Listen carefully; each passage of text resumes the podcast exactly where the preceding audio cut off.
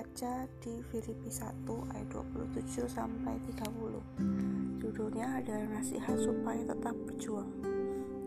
Hanya hendaklah hidupmu berpadan dengan Injil Kristus, supaya apabila aku datang, aku melihat, dan apabila aku tidak datang, aku mendengar bahwa kamu teguh berdiri dalam satu roh, dan sehati sejiwa berjuang untuk iman yang timbul dari berita Injil dengan tiada digentarkan sedikit pun oleh lawanmu. Bagi mereka semuanya itu adalah tanda kebinasaan, tetapi bagi kamu tanda keselamatan, dan itu datangnya dari Allah.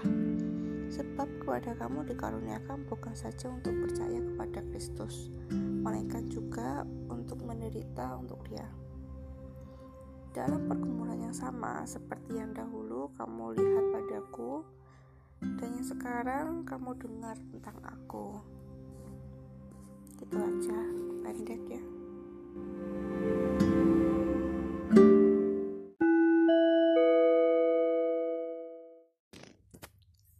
Nah yang bisa kita ambil ya hikmahnya dari sini ya ini kan judulnya juga nasihat untuk tetap berjuang ya. Karena memang um, kita sebagai murid harus banyak nasihat banyak anu ya kita harus terus berjuang gitu. Karena memang ada ups and downs ya dalam ya kehidupan menjadi murid ini. Ups and downs gimana ya maksudnya? Maksudnya itu um, pastilah ada perasaan kita pingin um, apa sih menyerah ada perasaan kita pingin ya meninggalkan aja kehidupan seperti ini karena rasanya berat banget ya kan? Intinya iman kita lemah lah. Kita mulai nggak percaya lagi sama Tuhan. Kita ya lelah gitulah sama kehidupan seperti ini. Karena sekarang kan kita harus apa ya um, berjuang dua kali lipat daripada orang biasanya. Ya kan karena kita harus hidupnya benar di antara dunia yang tidak benar. Banyaknya kita anu berjuang dua kali lipat tuh ya. Of course ada waktu-waktu lelah ya. Maka dari itu perlulah kita nasihat ini ya. Um, seperti di ayat 27 ya. Ketika orang datang dia melihat dan ketika tidak ada orang yang datang mereka mendengar. Mendengar kisah-kisah bagus kita mendengar cerita-cerita kita gitu loh. Wah gereja ini bagus ya. Wah ministry ini bagus ya. Dan waktu mereka datang wah emang bagus ya ini ministry. Artinya kita berjuang keras ya untuk bisa membuat Tuhan dikenal. Kita berjuang keras untuk bisa membuat gereja ini bagus. Bukan untuk mata manusia tapi untuk mata Tuhan gitu loh. Dan ketika di mata Tuhan bagus aku yakin di mata manusia juga bagus. Ya.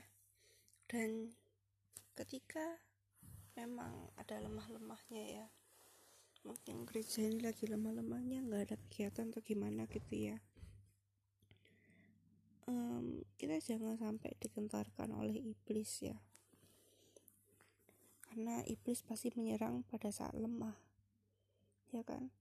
Semua tak di antara semua taktik perang atau perlawanan apa pun itu pasti mereka banyak yang bilang kalau menyerang di saat lemah itu adalah kesempatan ya kan? Kesempatan yang luar biasa.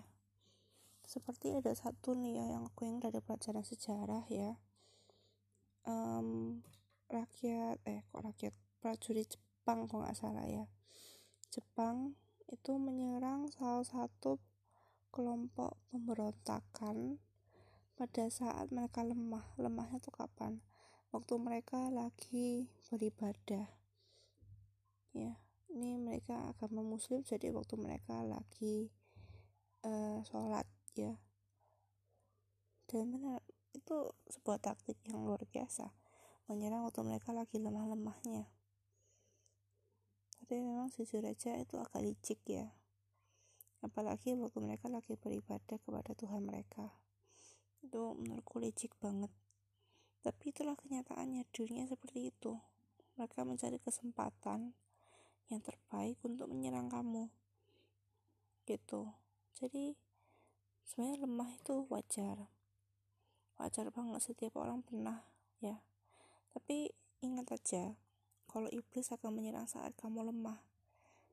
Dan jangan sampai kamu menerima godaan iblis iblis. Kalian harus tahu mana yang benar mana yang salah walaupun saat lemah. Ya kan? Karena lemah nggak akan mengurangi pengetahuan kalian kan? Ya kan? Jadi kalian harus tahu dulu. Waktu kalian kuat kalian harus tahu mana yang benar mana yang salah nggak cuma waktu kuat tapi waktu lemah juga kalian harus berusaha menguatkan kalian lagi. Membaca kitab ngomong sama ya maksudnya spend time sama murid yang lainnya ya kan? Kayak gitu. Itu kan menguatkan banget. Gitu. Kemudian di ayat 29 kita nggak cuma untuk percaya kepada Kristus kita nggak cuma untuk memberitakan Injil tapi kita juga harus menderita untuk dia ya mungkin zaman dulu dengan zaman sekarang kata-kata menderita berbeda ya. Mungkin kalau zaman dulu menderitanya adalah um, di penjara disiksa cambuk ya. Dulu Paulus itu mengalami banyak sekali penderitaannya. Tapi zaman sekarang mungkin penderitaannya lebih karena mental. Ya penderitaan fisik tidak banyak. Tapi penderitaan mental ya jadi um, mungkin kita banyak yang diejek dibully dibedakan. Mungkin kalau uh, remaja mungkin belum banyak ya perasaan seperti itu. Tapi ketika nanti kuliah dunia kerja di situlah di mana kehidupan benar-benar menyerang. Kalian akan diuji man kalian dari atas sampai bawah bakal benar-benar diuji apakah kalian benar-benar setia sama Tuhan ketika dunia menyerang. Ya kan? ya mungkin ada beberapa remaja yang mengalami juga tapi mungkin nggak terlalu banyak. Jadi siap-siap aja waktu kuliah atau dunia kerja. Karena pasti kalian akan menderita. Tapi tenang masih ada murid-murid lainnya yang bisa saling menguatkan. Kalian bisa spend time sama mereka gitu ya. Karena spend time itu membantu banget gitu loh. Ya kan? Ya aku gak usah bahas kenapa spend time penting sekarang tapi aku yakin itu bakal panjang. Ya. Jadi gitu ya. Um, ya intinya adalah di setiap kehidupan kita pasti ada ups and downs iman kita ya. Dan ketika saat down jangan sampai iblis menggunakan itu sebagai kesempatan ya.